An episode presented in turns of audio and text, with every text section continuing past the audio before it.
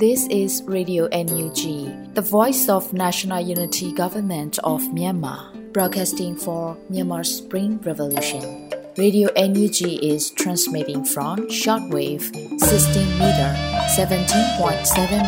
MHz at 8:30 a.m. and 25 meter 11.94 MHz at 8:30 p.m. Myanmar Standard Time. မင်္ဂလာပါရှင်။ မြို့သားညီညွတ်ရေးအစိုးရရဲ့အတန်လွင့်ဌာန Radio NUG ကိုမနက်ပိုင်း၈နာရီခွဲမှာလိုင်းတူ16မီတာ19.89 MHz ၊ညပိုင်း၈နာရီခွဲမှာလိုင်းတူ25မီတာ17.6 MHz တို့မှာဓာတ်ရိုက်ဖမ်းယူနိုင်စေနိုင်ပါရှင်။မင်္ဂလာအပေါင်းနဲ့ပြည့်စုံကြပါစေ။အခုချိန်ကစပြီး Radio NUG အစီအစဉ်လေးကိုဓာတ်ရိုက်အတန်လွှင့်ပေးနေပါပြီရှင်။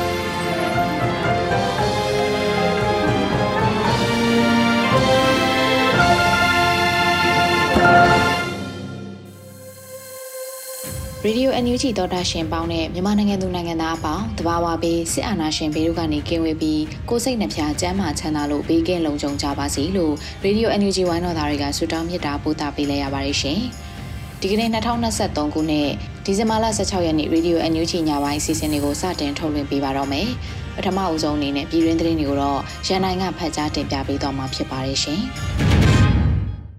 Radio NUG ပြည်သက်များမင်္ဂလာပါခင်ဗျာ။ခုချိန်အစပြီး 2023ခုနှစ်ဒီဇင်ဘာလ16ရက်နေ့ညပိုင်းပြည်တွင်သတင်းများကိုကျွန်တော်ရန်နိုင်ကတင်ဆက်ပေးပါတော့မယ်။ပထမဆုံးသတင်းအနေနဲ့ Federal Net Campaign မှာပြည်သူအလုံးဝိုင်းဝန်းပါဝင်ကူညီဖို့ပြည်တော်စုဝန်ကြီးဒေါက်တာဇော်ဝေဆိုးတိုက်တွန်းတဲ့သတင်းကိုတင်ဆက်ပေးကြပါမယ်။အမျိုးသားညီညွတ်ရေးအစိုးရဆက်သွယ်ရေးသတင်းချက်လက်နဲ့နေပညာဝန်ကြီးဌာနကမြို့နယ်၅မြို့နယ်မှာအင်တာနက်တိုးချဲ့တက်ဆင်နိုင်ဖို့ရည်ရွယ်ပြီး Federal Net Campaign လှုပ်ဆောင်နေတယ်လို့သတင်းရရှိပါတယ်။ Federal Net Campaign မှာပြည်သူအလုံးဝိုင်းဝန်းပါဝင်ကူညီဖို့ပြည်ထောင်စုဝန်ကြီးဒေါက်တာဇော်ဝေဆိုးတိုက်တွန်းပြောကြားလိုက်ပါတယ်။မြန်မာနိုင်ငံကို Federal Democracy နိုင်ငံတော်အဖြစ်ကူးပြောင်းဖို့ပညာရေးကျန်းမာရေးလူသားချင်းစာနာမှုကူညီပေးရေးပြည်သူလူထုကိုကာကွယ်စောင့်ရှောက်မှုပေးရေးစသည်တို့အစဉ်ပြေချောမွေ့လွယ်ကူစေဖို့ Federal Net Campaign မှာပြည်သူအလုံးဝိုင်းဝန်းပါဝင်ကူညီကြပါစို့လို့ဝန်ကြီးကဆိုပါတယ်။ Federal Net Campaign ရဲ့ကနဦးတိဆောက်ဖို့လိုအပ်ချက်ဖြစ်တဲ့မြို့နယ်၅မြို့နယ်အတွက် အမေရိကန်ဒေါ်လာ2.5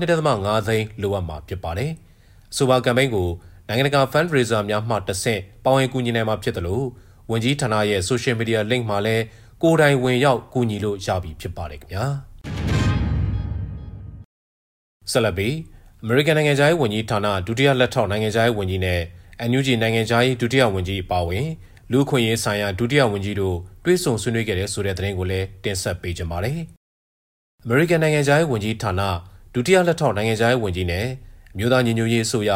နိုင်ငံသားရေးဝန်ကြီးဌာနဒုတိယဝန်ကြီးဦးမိုးစောဦးလူခွင့်ရေးဆိုင်ရာဝန်ကြီးဌာနဒုတိယဝန်ကြီးဦးအောင်ကျော်မိုးနဲ့ဖွဲ့ဟာ2023ခုနှစ်ဒီဇင်ဘာလ15ရက်နေ့မှာ American ပြည်ထောင်စု Department of State ရုံးမှတွေ့ဆုံခဲ့တယ်လို့သိရပါတယ်။ American နိုင်ငံသားရေးဝန်ကြီးဌာနဒုတိယလက်ထောက်နိုင်ငံသားရေးဝန်ကြီး Peters ကို NUG ဒုတိယနိုင်ငံသားရေးဝန်ကြီးဦးမိုးစောဦးနဲ့အတူ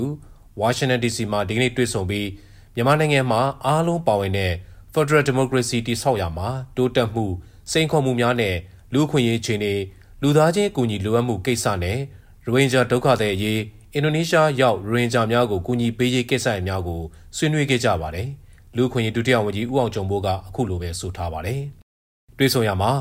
Bureau of Democracy, Human Rights and Labor ရဲ့ Acting Deputy Assistant Secretary ဖြစ်တဲ့ Alison Laura Peters ဦးဆောင်တဲ့ Office of Assistance for East, South and Central Asia Bureau of Population, Refugees and Migration Thana, Office of Global Criminal Justice Thana, Bureau of Democracy, Human Rights and Labor နဲ့ Office of Mainland Southeast Asia, Bureau of East Asian and Pacific Affairs ဌာနမှအရာရှိများနဲ့လည်းတွေ့ဆုံခဲ့ကြပါတယ်။အဲဒီလိုတွေ့ဆုံရမှာမြန်မာနိုင်ငံမှာလက်တလောဖြစ်ပေါ်နေတဲ့ခြေအနေများ နေရက်စွန့်ခွာစစ်ဘေးရှောင်နေရတဲ့ပြည်သူလူထုနဲ့အကူအညီပေးရေးကိစ္စရပ်များအခြားနိုင်ငံများသို့လှေနဲ့ထွက်ပြေးတင်းရှောင်ကြတဲ့ရိုဟင်ဂျာဒုက္ခသည်များရိုဟင်ဂျာများရဲ့လက်ရှိအခြေအနေများကိုဆွေးနွေးခဲ့ကြတယ်လို့ NUG နိုင်ငံခြားရေးဝန်ကြီးဌာနကလည်းဖော်ပြထားပါတယ်ခင်ဗျာအခုတခါဒဇယ်မြို့နယ်အတွင်းရှိအကြမ်းဖက်စစ်ကောင်စီလက်အောက်ခံနန်းစီဒီယန်ဝန်ထမ်းများဇန်နဝါရီလ16ရက်နောက်ဆုံးထားပြီးအမျိုးသားညီညွတ်ရေးအစိုးရထံအလင်းဝင်ရန် သတိပေးတဲ့သတင်းကိုလည်းတင်ဆက်ပေးကြပါမယ်။ဒီဇင်ဘာလ16ရက်မှာနန်းစီဒီယန်ဝန်ထမ်းများအလင်းဝင်ခြင်းဆိုင်ရာကြေညာချက်ကိုဒဇယ်မြို့နယ်မြို့နယ်ပြည်သူ့အုပ်ချုပ်ရေးဖွဲ့ကအခုလိုပဲအသိပေးထုတ်ပြန်လိုက်ပါတယ်။ဒဇယ်မြို့နယ်အတွင်းရှိအကြံပတ်စစ်ကောင်စီလက်အောက်ခံနန်းစီဒီယန်ဝန်ထမ်းများဟာဇန်နဝါရီလ16ရက်နေ့နောက်ဆုံးထားပြီးမိမိတို့ရဲ့ဆောင်ရွက်ဆဲရုံးလုပ်ငန်းများကိုရပ်တန့်ကာဌာနဆိုင်ရာစာရွက်စာတမ်းများပြည်သူပိုင်ပစ္စည်းများနဲ့တကွအမျိုးသားညီညွတ်ရေးအစိုးရထံအလင်းဝင်ရန်သတိပေးလိုက်တယ်လို့ဖော်ပြပါရှိပါတယ်။ အလင်းဝင်ရောက်မဲ့နန်းစီဒီယန်ဝန်ထမ်းများဟာအစိုးရဌာနဆိုင်ရာသို့မဟုတ်ဒေသဆိုင်ရာအာဏာပိုင်တို့ကပိုင်ဆိုင်တဲ့ဒါမှမဟုတ်ရင်းတို့အားလွှဲအပ်ထားတဲ့သို့မဟုတ်အသုံးပြုရန်ကြံရွယ်ထားတဲ့သုံးလောင်ပစ္စည်းသို့မဟုတ်ပစ္စည်းကိရိယာတစားပလာသို့မဟုတ်အခြားပစ္စည်းများကိုမြို့နယ်ပြည်သူ့အုပ်ချုပ်ရေးဖွဲ့ထံစနစ်တကျအနံပြီးကြိုတင်ပြင်ဆင်မှုများကိုဆောင်ရွက်ထားရမယ်လို့ဆိုပါတယ်။စီဒီယန်ဝန်ထမ်းများကိုထိထိရောက်ရောက်ကူညီခြင်း တော်လန်ရေးကိုထိထိရောက်ရောက်ပါဝင်ကူညီခြင်းပြုခဲ့တယ်လို့အထောက်ထားခိုင်လုံတဲ့နန်းစီဒီယန်ဝန်ထမ်းများကမြို့နယ်ပြည်သူ့အုပ်ချုပ်ရေးဖွဲ့ထံတာဝန်ထမ်းဆောင်ရန်လျှောက်ထားပါကအကြမ်းမဖက်အာဏာဖီဆန်ရေးလှုပ်ရှားမှု CDM နိုင်ငံဝန်ထမ်းဆိုင်ရာမူဝါဒစာတမ်းနဲ့အညီစနစ်တကျစစ်စစ်ပြီးကာလာတို့စာချုပ်နဲ့တာဝန်ပေးခြင်းတို့ဆောင်ရွက်သွားမယ်လို့လည်းသိရှိရပါတယ်ခင်ဗျာဆလဘီရခိုင်ပြည်မောင်တော်မြို့နခခ9တရင်မှလက်နက်ကြီးနဲ့ပစ်ခတ်6လံက ကြေးရွာများအတွင်းမှရွာသားများကိုအင်အားသုံးပြီးအရမနှင်ထုတ်ခဲ့တဲ့ဆိုတဲ့သတင်းကိုလည်းတင်ဆက်ပေးပါမယ်ဒီဇင်ဘာလ15ရက်နေ့နေ့လယ်2နာရီချိန်ခန့်ကရခိုင်ပြည်မောင်တော်မြို့မြို့တကြီးအခြေဆိုင်စစ်ကောင်စီလက်အောက်ခံနခခ9တရင်ဟာမောင်တော်မြို့နယ်မှာရှိတဲ့ကျေးရွာချို့မှဒေသခံရွာသားများအားလက်နက်ကြီးနဲ့ပစ်ခတ်6လံကကျေးရွာများအတွင်းမှအင်အားသုံးအရမနှင်ထုတ်ခဲ့တယ်လို့ညီနောင်သုံးဘွဲကအသိပေးဖော်ပြပါတယ်။ဒီဇင်ဘာလ15ရက်နေ့မနက်7:00နာရီချိန်ကလည်း စစ်ကောင်စီတပ်ဖွဲ့ဝင်တွေဟာစစ်တွေမျိုးမှဒေသခံ3ဦးအားလက်နက်အပြည့်စုံကင်ဆောင်ကနေအိမ်ကိုဝင်ရောက်ပြီးဖမ်းဆီးသွားခဲ့ပါတယ်။အလားတူပဲညနေ4:30မိနစ်20ချိန်ခန့်ကလည်းမောင်တော်မြို့ရှိတမဝိုင်မနဲ့ကျေးလက်ဖွံ့ဖြိုးရေးထားတာမှာတာဝန်ထမ်းဆောင်နေတဲ့ဒူးစီတူနဲ့အထက်တန်းစီ2ဦးတို့အားအင်အား12ဦးခန့်ပါတဲ့စစ်ကောင်စီတပ်ဖွဲ့များကအင်အား3ကရုံးတွင်းကိုဝင်ရောက်ပြီးဖမ်းဆီးခဲ့တယ်လို့သိရှိရပါတယ်ခင်ဗျာအခုတခါ အကြမ်းဖက်စစ်ကောင်စီတပ်မှဓာတုလက်နက်3ကထီးချိုင်မျိုးအားပစ်ခတ်သွားတယ်ဆိုတဲ့သတင်းကိုလည်းတင်ဆက်ပေးကြပါမယ်အကြမ်းဖက်စစ်ကောင်စီတပ်ကဓာတုလက်နက်3ကထီးချိုင်မျိုးအားပစ်ခတ်သွားခဲ့ပါတယ်ဒီဇင်ဘာလ16မှာ ABSDF မြောက်ပိုင်းကအတိပေးဆိုထားပါတယ်ဒီဇင်ဘာလ15ရက်မနက်7:00နာရီချိန်ကမြစ်ကြီးနားဆင်းလာတဲ့တိုက်လေနှစ်စင်းဟာထီးချိုင်မျိုးပတ်ဝန်းကျင်ကိုပေါင်900ဘုံးနေနဲ့ကျဲချတဲ့အပြင်လေရင်မောကနေဆက်တက်နဲ့ဆွဲသွားခဲ့ပါတယ်လို့ဆိုပါတယ်လေရင်ဘုံကျဲချရမှာ မြေပြင်မှာပြည်သူတော်လှန်ရေးရဲဘော်များအထီးကိုက်မရှိပေမဲ့လည်းနေ့လယ်ပိုင်းအချိန်မှာမူးဝေအော်အံမှုတွေဖြစ်ပေါ်ခဲ့တယ်လို့အတည်ပြုဆိုထားပါတယ်။ထီးချိုင်မြို့နယ်မှာစကားစတပ်တွေနဲ့တော်လိုင်းအင်အားစုများနှစ်ဖက်တိုက်ပွဲဖြစ်ပွားလျက်ရှိပြီးနေ့စဉ်ဘုံကျဲတိုက်ခိုက်မှုများကိုစကားစဘက်ကလှုပ်ဆောင်လျက်ရှိပါတယ်ခင်ဗျာ။ဆလဘီမုံရွာခရိုင်အမှတ်9တပ်ရင်အောင်ဆန်း Force မှာတာဝန်ထမ်းဆောင်လို့တဲ့အမျိုးသမီးရဲဘော်တွေများခေါ်ယူနေတဲ့ဆိုတဲ့သတင်းကိုလည်းတင်ဆက်ပေးပါမယ်။ မုံရွာခရိုင်အမှတ်9တရင်အောင်ဆန်း Force မှာတာဝန်ထမ်းဆောင်လို့တဲ့အမျိုးသမီးရဲဘော်တွေများခေါ်ယူနေတယ်လို့ဒီဇင်ဘာလ16ရက်မှာမုံရွာခရိုင်အမှတ်9တရင်အောင်ဆန်း Force ကအသိပေးဆိုပါတယ်။တရင်ယုံတက်စိတ်ဈေးတက်စိတ်ရိတ်ခါနဲ့ဘတ်ဂျက်ထောက်ဖို့တက်စိတ်လူမှုစီဝင်တက်စိတ်တွေမှာတာဝန်ထမ်းဆောင်ဖို့မြို့သမီးရဲဘော်များလို့ရှိပါတယ်။မုံရွာခရိုင်အမှတ်9တရင်အောင်ဆန်း Force မှာတာဝန်ထမ်းဆောင်လို့တဲ့မြို့သမီးများအနေနဲ့ပြင်းပြထက်သန်တဲ့စိတ်အားထက်သန်မှုရှိရမှာဖြစ်ပြီးတော့အ ਨੇ ဆုံးတစ်နှစ်တာဝန်ထမ်းဆောင်နိုင်သူနဲ့ အုပ်ထိန်းသူကိုယ်တိုင်အနှံ့ရမှာဖြစ်ပါတယ်လို့ဆိုထားပါတယ်။လျှောက်ထားလူသူများဟာနီးစပ်ရာရက်ရွာရဲ့ပအဖပကဖသို့မဟုတ်ရမီရဖထောက်ခံချက်တွေပါရှိရမှာဖြစ်ပြီးအလဲတန်းပညာရေးအဆင့်အောင်မြင်ပြီးမြောက်သူအခြေခံစစ်တနန်းဇင်းနိုင်သူဖြစ်ရမယ်လို့ဆိုပါတယ်ခင်ဗျာ။အခုနောက်ဆုံးအောင်လန်လွင့်ချီຫນွေဦးထီအပတ်စဉ်26ကိုနိုင်ငံတကာရှိကိုယ်စားလှယ်များထံမှလည်းဝယ်ယူနိုင်ပြီဆိုတဲ့သတင်းကိုတင်ဆက်ပေးကြပါမယ်။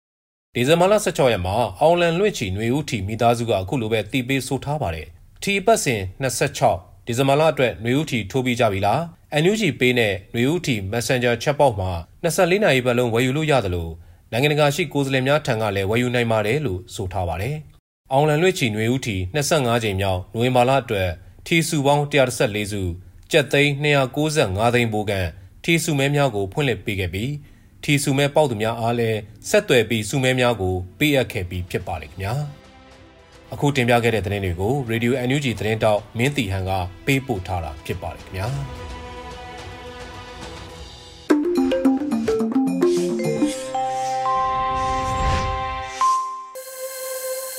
ပြည်ရင်းသတင်းတွေကိုနားဆင်ခဲ့ကြတာပဲဖြစ်ပါတယ်အခုဆက်လက်ပြီးငါတို့လုံကြီးငါတို့အောင်ပွဲကမ်ပိန်းမှာပါဝင်အားဖြည့်ဖို့ညနိုးအေးရဲ့ဖိတ်ခေါ်ချက်ကိုနားဆင်ကြရမှာဖြစ်ပါတယ်ရှင် Hello အားလုံးပဲမင်္ဂလာပါညီမတို့မြန်လို့ရပဲဖြစ်ပါတယ်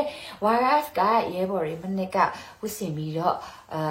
ပြုလုပ်ခဲ့တဲ့လုံကြီး campaign လေးကိုမှတ်မိကြတာမသိဘူးဒီနှစ်မှာတနစ်ပြည်သွားတဲ့အချိန်မှာမြန်တို့တွေဒီမဂဇင်းလို့မတူလို့ကိုတီဇာဆန်းလို့ရှောင်းထန်နယ်လို့အားလုံးကဒီကမ္ဘာနေရာအတီးတီးကနေပြီးတော့ဝစ်စင်ပြီးတော့ရိုက်ကူးခဲ့တဲ့ campaign လေးကိုအားလုံးမှတ်မိကြမယ်လို့ထင်ပါတယ်။ကဲဒီ campaign လေးရဲ့အစုမဲတွေကဘာတွေဖြစ်မလဲဆိုတော့ဒီ campaign မှာဝစ်စင်ခဲ့တဲ့လုံကြီး6ထဲရန်ကုန်ဒုတိယတပိတ်မှာရဲဘော်ဝစ်စင်ခဲ့တဲ့အင်ဂျီ ပြီးတော့ရှစ်လေးလုံးနှစ်ပတ်လည်လှူရှားမှုမှာရိုက်ကူးခဲ့တဲ့ဒီ first copy တပ်ပုံပြီးတော့လို့ရှိရင်မဒဇင်ရဲ့ရန်ကုန်မြို့ရဲ့အလွမ်းနေ့ရက်ကို Spotify lifetime ownership ပေါ့နော်အဲ့ဒါလေးကိုမဲဖောက်ပေးမှာပဲဖြစ်ပါတယ်အဲ့တော့ဒီ campaign လေးမှာပါဝင်လိုက်ကြပါတော့เนาะ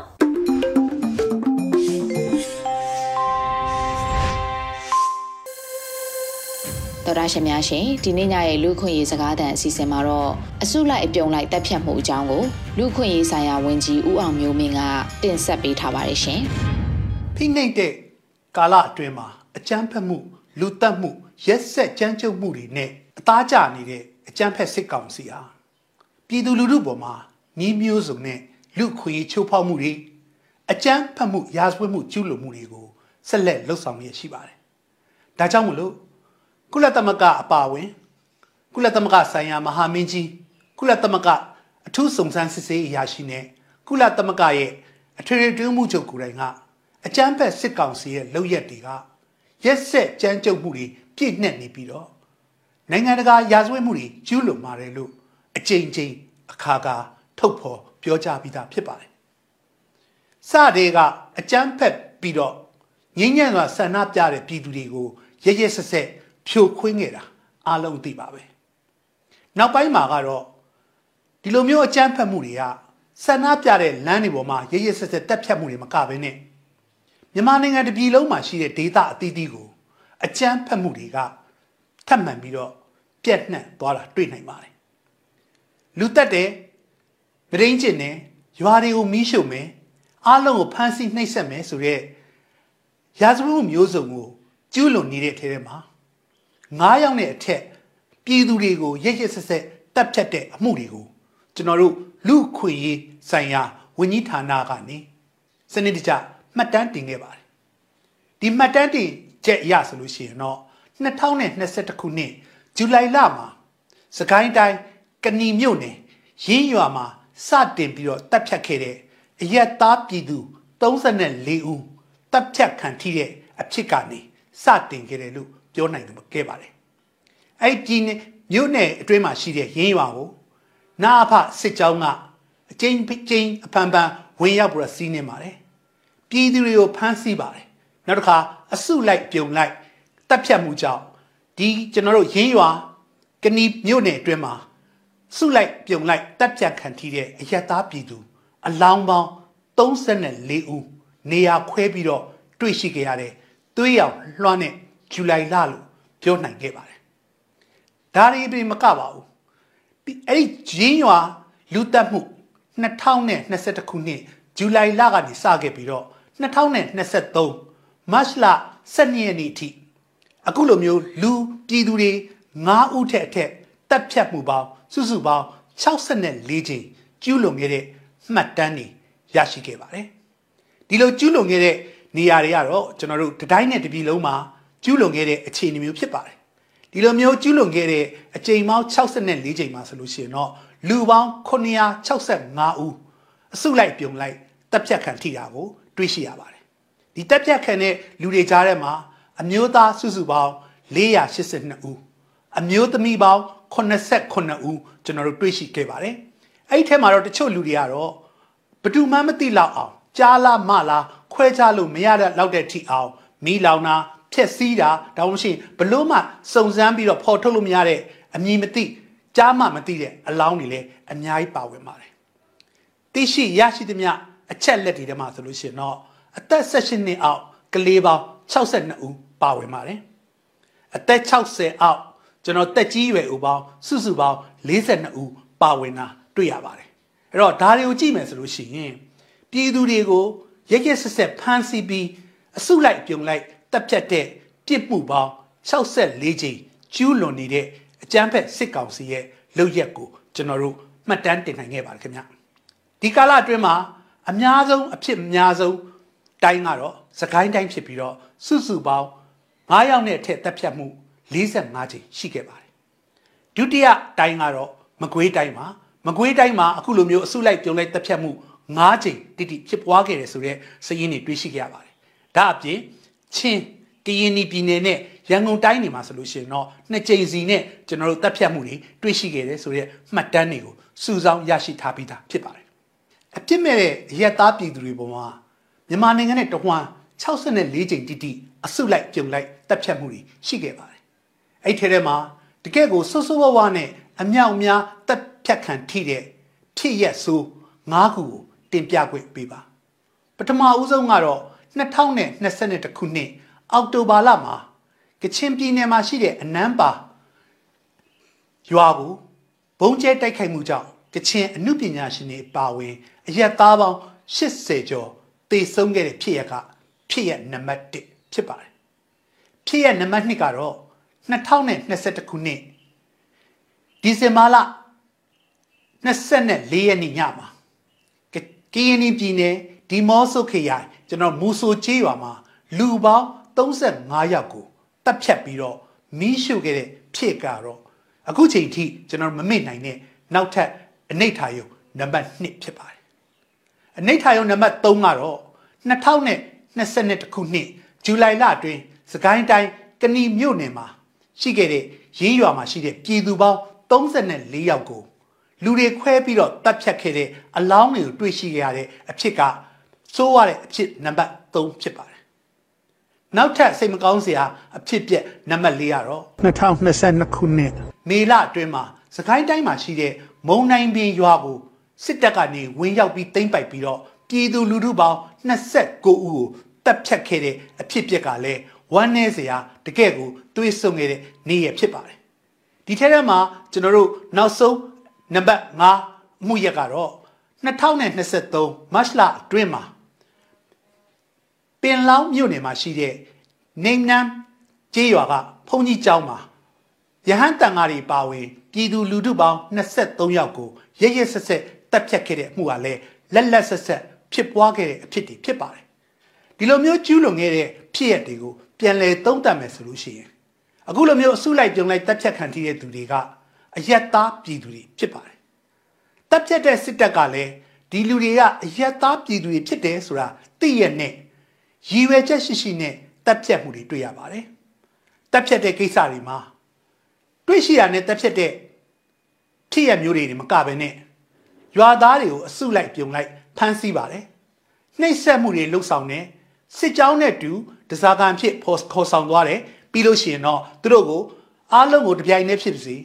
စစ်ကြောင်းနဲ့ခေါ်ဆောင်ပြီးတော့တီးတန့်ခွဲပြီးအုပ်စုလိုက်တပ်ဖြတ်တဲ့အမှုတွေတွေ့ရပါတယ် တွေ့ရှိရတဲ့အလောင်းတွေကိုပြန်လဲစစ်ဆေးရတဲ့အခါမှာဆိုလဲပြင်းပြင်းထန်ထန်နှိပ်စက်ထားတဲ့ကိစ္စတွေ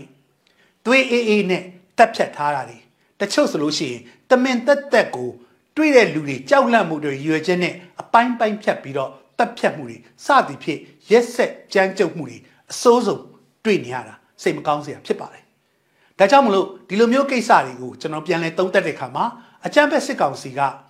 ပထမဦးဆုံးကတော့သူတို့ရဲ့ လူမြင်သမျှကိုရန်သူဖြစ်တတ်မှတ်ပြီးတပ်ဖြတ်တဲ့အစဉ်အလာဖြစ်တာကိုတွေ့ရပါတယ်။နောက်တစ်ခါဒါမျိုးရွာတွေကိုလှည့်လည်ပြီးတော့တွင်းသမျှရွာကလူတွေအားလုံးကိုတပ်ဖြတ်ဖို့အတွက်စစ်ဗျူဟာတရားအနေနဲ့ကျင့်သုံးထားတဲ့အရာကိုလည်းတွေ့ရပါတယ်။ဖမ်းဆီးပြီးတော့တပ်ဖြတ်တာတွေဖြစ်တယ်နှိပ်စက်ပြီးတော့တပ်ဖြတ်တာဖြစ်တဲ့အတွက်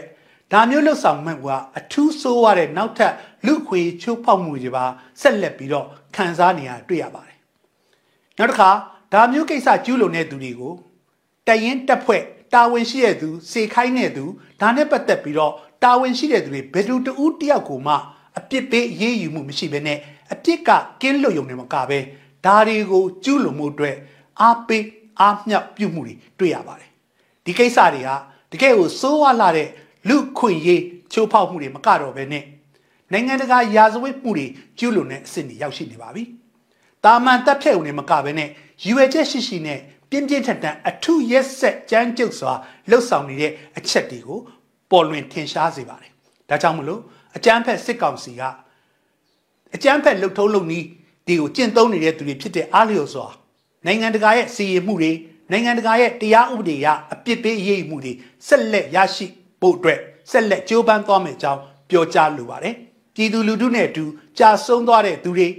တပ်ဖြတ်ခံထိတဲ့ပြည်သူတွေအတွက်ဝမ်းနည်းတဲ့အကြောင်းပြောကြားရင်းနဲ့အမှန်တရားဆက်လက်ဖော်ထုတ်နိုင်မှုအတွက်အစွမ်းကုန်ကြိုးစားသွားမယ်အကြောင်းတင်ပြလိုက်ပါတယ်ခင်ဗျကျေးဇူးတင်ပါတယ်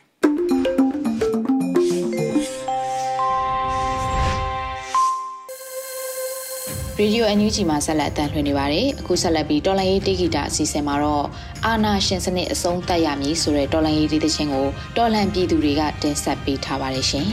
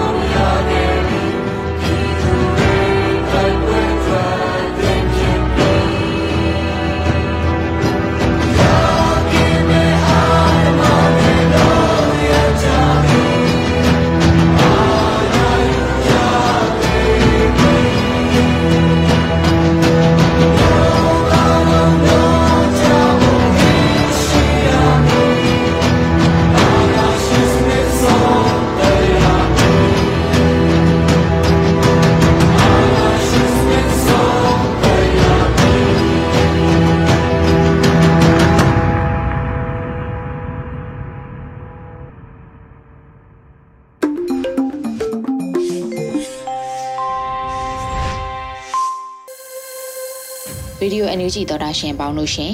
အခုဆက်လက်ပြီးတယောစာကဏ္ဍမှာတော့အောင်နေမျိုးတင်ဆက်ထားတဲ့တက်ပြက်သွားပြီးဖိုးတက်ဖို့ရေးအပိုင်းဆက်ကိုနားဆင်ကြရမှာပဲဖြစ်ပါတယ်ရှင်တက်ပြက်နေပြီးဖိုးတက်ဖို့ရေးတက်ပြက်ကုန်ပြီးဖိုးတက်ဖို့ရေးတက်ပြက်သွားပြီးဖိုးတက်ဖို့ရေးသူစနာမြတ်သွားတော့ဟဲ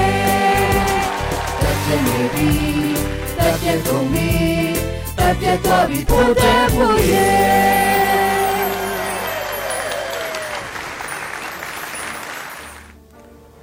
ဒိုလောဒိုလောနဲ့ဘေးပြောအတင်းတွေနဲ့ဖောင်းကြွစရာခေါင်းစရာအကြောင်းမှမရှိတာတွေကိုမပြောကြပါနဲ့ဆရာနာရှင်တော်လန်ရေးကိုအာယုံပြုတ်ပြီးတော့ဘယ်စုစုသောပြက်ပြယ်ရမယ့်အမှုအရာတွေကိုခဏဘေးချိန်ထားကြပါ ဆရာနာရှင်တော်လန်ရေးနေဦးကနေစတာတဲ့နေဝင်းအာနာသိမ့်ပြီးကလေးကစခဲ့တဲ့မိစားခေဆက်ဆက်နဲ့မပြတ်စတန်းတော်လန်ရေးမိညွန့်မိစားကိုတည်လာခဲ့တာအခုချိန်ထိပဲလို့ပြောရင်တော့မှပြောလို့ရတယ်တစင်တစင်တက်လန်းလာလိုက်တာမပြတ်စတန်းချီတက်တော်လန်လာကြတာနောက်တလန်းဖြစ်တဲ့29 10 2023ရက်နေ့ကတစင်တော်လန်တက်တဲ့တော်လန်အောင်ပွဲဖြစ်တဲ့တိုင်းသားသွေးချင်းမြေတို့ရဲ့တော်လန်ရေး operation 10နှစ်ခွန်မီရှူတန့်စင်မွေးဖွားနဲ့နေပဲ အဲ့ဒီနေ့ဟာမြတ်နာအောင်တို့အိမ်ပြန်ခီးစတင်တဲ့နေ့မြမຫນွေဦးတော်လှန်ရေးနောက်ထပ်တဆင့်တက်လန်းတဲ့နေ့ငါတို့မျောလင်းချက်တွေတိုးရခိုင်မှာပြည်ပြင်းထင်ရှားလာတဲ့နေ့မိလောင်မြင်ကမျက်ရည်စတွေအပြုံးမအဖြစ်ပြောင်းလဲပွင့်လန်းလာတဲ့နေ့အောင်တိတ်အောင်နမိတ်အောင်ဟိတ်တန်နေနဲ့အောင်လန်လူလူလွှင့်ထူလိုက်တဲ့နေ့ မိစ္ဆာရက်ကွက်ငမိုက်သားမင်းအောင်လိုင်းတို့ဘက်မှာတော့ဘရုံမာမြေလူသွေးယူသွေးတန်းနဲ့ကြောက်ချီပန်းရင်ကဘာပြက်ရတဲ့နေ့ပေါ့အဲ့ဒီနေ့ကပဲကျူကျော်နဲ့လှိုင်းလှိုင်းထွက်အောင်အပြိုင်ဆိုင်ကြော်ကြရတဲ့နေ့ဘုရဘူးကျင်ဆိုးကိုဖယ်လိုက်တော့ဆင်းလိုက်တော့ဒေါသတကြီးညင်းညူအော်ဟစ်ကလော်တုတ်ကြတဲ့နေ့ပဲဗျာအလဲကြမှာဖះတိုင် ရင်ဘတ်တွေလည်းအောင်လာပါပြီစိတ်တွေလည်းဆင်းရဲလာပါပြီတောကအလီလီကိုဘောမစီရတဲ့ခံစားကြရတဲ့နေ့ပေါ့ဗျာမြောက်လွဲကြော်အပေါင်းမသူတော်အပေါင်းတို့အတွက်တော်လဲအဲ့ဒီနေ့မှာပဲသူတို့အတွက်ကတော့ခြံစည်းရိုးပေါ်ဆက်ထိုင်မထိုင်မှိုင်ထွေလေးလံတွေးကြံရတော့တဲ့နေ့မြောက်တကိုင်းလို့ဖြစ်မဲ့အရေးရတက်မအေးရတဲ့တွက်ချက်ပြာပါသားနဲ့ပြာရာခတ်နေရတဲ့နေ့တွေပေါ့ဗျာသူနှခရက်ွက် နေတဲ့ခြေတို့လက်ငုပ်စီးငုပ်တုပ်ကြီးနဲ့ဒရုံးစာမိခံနေရတဲ့သူအပေါင်းတို့မှာတော့လေအဲ့ဒီနေဟာခြေမကင်ပြီးလက်မကင်ပြီးခေါင်းညင်းဆိုင်ဖင်ညင်းပေါက်ဇောက်တီရမရအရေးပေါ်အစည်းဝေးဝဲတွေခေါ်နေကြရတဲ့နေ့ဘုဒ္ဓဘုချင်းဆိုးကိုဘလို့လုံးလဲငင်းပွားရင်နဲ့လိတ်ခဲတင်လင်းအချင်းများကြရတဲ့နေ့ပေါ့တက်မထားရင်လည်းတက်ပြူကြန့်ခိုင်ရေးဘက်ပြောင်းရင်လည်းပုံပြောင်းလိုက်ရင်လည်းကြန့်ပြူမှာမို့လို့ ဘုဒ္ဓဘုကျင်ဆိုပြမဥကောင်းကြီးကိုမသားလောင်းဖြစ်ရတဲ့နေ့ပဲဗျာ30နှစ်ခွင်ကိုငိမ့်ချမ်းရေးအကြောင်းပြုကြည်ရမလားလို့ဘရာရိုတို့ဘုဒ္ဓဘုကျင်ဆိုတို့ကအာကြီးစီလုံးကြီးစီကိုကူညီတောင်းခိုင်းရတဲ့နေ့တာကောဘက်ကလည်းဂျောင်းဝင်ဆေးဆက်ဖီအားပေးလို့ကူပါကဲပါတစားစားလုံနေရတဲ့နေ့တွေပေါ့ဗျာဒါကြောင့်ဒါသာလဲကြွေလှန့်လဲခွေနေပြီဖြစ်တဲ့ဗုဒ္ဓဘုကျင်ဆိုးအတွက်ကတော့နောက်ဆုံးနောက်ဆုံးနောက်ဆုံးပိတ်နေ့နီးလာပြီဆိုတာကတော့အသေးကြပဲ မြေကြီးလက်နဲ့ပုတ်တာမှလွဲရင်လွဲလေဦးမယ်ဒါကြောင့်ကိုဘက်ကလည်းနှစ်စာတိုးပြီးတော့ဗိုလ်တပ်မှုကျင်ဆိုးတို့တွေကိုအဆုံးသိပ်အမုန်းကြိတ်ကြရမှာမယ်သူဘက်ကလည်းစီကုံရင်ရက်သွားလိမ့်မယ်ဒီစကားကကျုပ်တို့အညာသားကြီးတွေပြောပြောနေတဲ့စကားဗျမောင်းစမ်းကွာအကြိုက်မောင်းစမ်းစီကုံရင်ရက်သွားလိမ့်မယ်ဆိုတာအဲ့လိုမျိုးပဲဗိုလ်တပ်မှုကျင်ဆိုးကလည်းသူ့လေရင်တွေကပထီအားသွင်းပြီးမောင်းရတာမှမဟုတ်တာစီကုံရင်ရက်သွားလိမ့်မယ်သို့တော့ဒါပေမဲ့ လေရင်မောင်းစီတင်သွန်းမရအောင်ပြတ်တောက်ရလေအောင်တော့တို့ရသားတွေကဝိုင်းပြီးပိတ်ဆို့တောင်းဆိုကမ်ပိန်းအမျိုးမျိုးမှာပါဝင်ပေးကြဖို့ကလည်းလိုသဗျာအဲဒိုလောဒိုလောဟိုလောဟိုလောနဲ့ကောင်းစရာအကြောင်းမရှာပဲရောင်းရံအောက်ကြီးရှာနေသူအပေါင်းတွေအတွက်ကတော့နောက်ဆုံးကိုပေါ့စကားနဲ့ပြောရရင်တော့ဒေါ်လာကြီးကြီးဖြတ်ရောင်းရံမရှိအကျဉ်ရ၌ရောင်းဝယ်စုံစံကူးတန်းရာပွဲယုံများသည့်အထိရှိကြ၏ ပွဲညွန့်ပွဲကမျှော်သူအပေါင်းတို့ထိုတို့ချီကအောင်မေးလှုပ်ကြပါကုန်တော်လန်ရေးတွင်ကြေးဖြက်ရောင်းရံနတ်ထီမရှိတို့ရေးတော်ဘုံတို့အောင်ပွဲတို့ပဲအယောင်နှွဲသွားမှာမယ်အရေးတော်ဘုံကအောင်နေပြီတောတာရှင်များခင်ဗျာအခုနားဆင်နေကြတဲ့ Radio UNG ရဲ့အစီအစဉ်တွေကို Radio လေလိုင်းပေါ်မှာတိုက်ရိုက်နားဆင်နိုင်တယ်လို့ website YouTube Telegram Facebook အစရှိတဲ့ အခြားသော internet platform မျိုးစုံမှာလည်းမနေ့တစ်ကြိမ်ညတစ်ကြိမ်ပုံမှန်ထုတ်လွှင့်ပေးလျက်ရှိပါတယ် YouTube ပရိသတ်များအနေဖြင့်လဲ Radio UNG Channel ဖြစ်တဲ့ youtube.com/radiounug မြန်မာကိုဝင်ရောက် subscribe လုပ်ထားပြီးတော်လိုင်းရစ်တွက်ထပ်ဖို့ဝင်ငွေများကိုတစ်ဖက်တစ်လမ်းကနေပါဝင်ကူညီနိုင်တဲ့အကြောင်းအသိပေးတင်ပြအပ်ပါတယ်ခင်ဗျာ ဒီကနေ့ကတော့ဒီညနဲ့ပဲ Radio NUG ရဲ့အစီအစဉ်လေးကိုခਿੱတရနာလိုက်ပါမယ်ရှင်။မြမစံတော်ချိန်မနက်၈နာရီခွဲနဲ့ည၈နာရီခွဲအချိန်တွေမှာပြန်လည်ဆုံတွေ့ကြပါစို့။ Radio NUG ကိုမနက်ပိုင်း၈နာရီခွဲမှာလိုင်းတူ16မီတာ19.8 MHz ညပိုင်း၈နာရီခွဲမှာလိုင်းတူ25မီတာ17.6 MHz တို့မှာဓာတ်ရိုက်ဖမ်းလို့နိုင်စေနိုင်ပါပြီ။ မြန်မာနိုင်ငံသူနိုင်ငံသားတွေကိုစိတ်နှပြကျန်းမာချမ်းသာလို့ဘေးကင်းလုံခြုံကြပါစေလို့ Radio NUG အဖွဲ့သူဖွဲ့သားတွေကဆုတောင်းမေတ္တာပို့တာနေပါတယ်ရှင်။မြေသားညီမတွေအစိုးရရဲ့စက်တော်ရင်သတင်းအချက်အလက်တွေလူပညာဝန်ကြီးဌာနကထုတ်လွှင့်နေတဲ့ Radio NUG ဖြစ်ပါတယ်။ San Francisco Bay Area အခြေစိုက်မြန်မာမိသားစုတွေနဲ့နိုင်ငံတကာကစေတနာရှင်တို့အားပေးနေတဲ့ Radio NUG ဖြစ်ပါတယ်။အရေးတော်ပုံအောင်ရမည်